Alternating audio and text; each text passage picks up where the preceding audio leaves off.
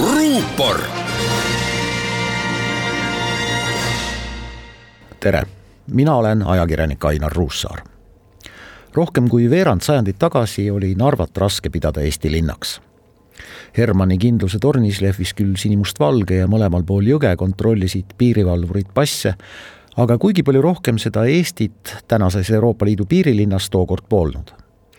jättes Teise maailmasõja katastroofi kõrvale pean silmas Narva täielikku puruks pommitamist, siis oli ilmselt selle linna lähiajaloo kõige murrangulisemaks ajaks üheksakümne kolmanda aasta südasuvi, mil tollased Narva ja Sillamäe omavalitsejad organiseerisid hiljem ebaseaduslikuks või vähemalt läbikukkunuks tunnistatud referendumi. selle mõte oli kuulutada Narva ja Sillamäe autonoomseteks piirkondadeks selle ilmselgelt Narva jõe tagant toetatud rahvaküsitluse eesmärgiks oli teha Ida-Virumaast midagi sellist, nagu on Osseetia tänases Gruusias või Transnistria tänases Moldovas. tunnustamatud ja allumatud piirkonnad, mida valdavalt kontrollivad tunnustatult ja vabalt valitud keskvõimule allumatud oligarhid. Õnneks Ida-Virumaal nii ei läinud, ehkki säde sellele geopoliitilisele süütenöörile oli väga ohtlikult lähedal Narvat on tabanud veel mitmed hoobid, aga sealsed tublid inimesed on sellest välja tulnud. veerand sajandi eest tabas Narva suurimat tööandjat, Kreenholmi manufaktuuri majanduskatastroof ja tehase väravast astusid koondamisteade näpus ning pisarad silmis tänavatele sajad tublid Narva naised.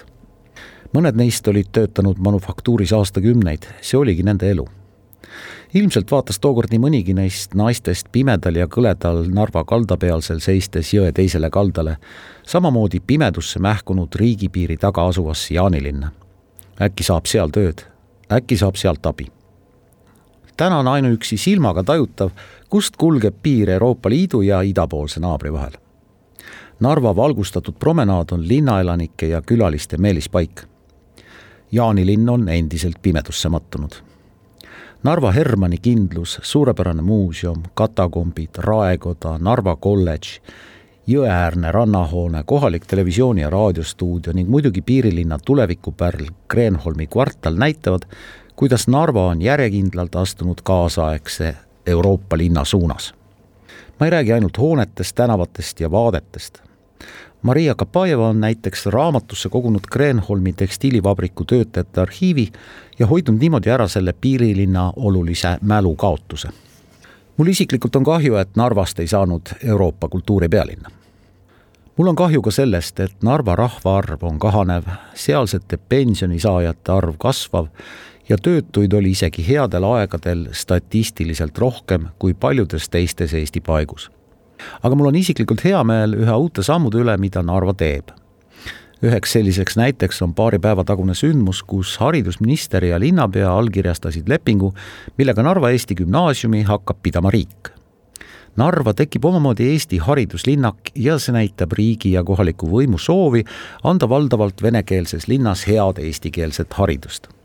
ilma kohalike elanike heakskiiduta olnuks sellise otsuse jõudmine keeruline kohalikest on eestikeelseid vaid umbes neli protsenti, aga piirilinna Eesti kogukonnale on ka vaja kindlust, et keel ja kultuur on Narvas olulised. kunagi ütles üks Eesti poliitik välja mõtte, mille võiks seada suureks eesmärgiks. Eesti kultuuripealinn on Viljandi, Euroopa kultuuripealinn on Tartu ja Euraasia kultuuripealinn on Narva. ruupor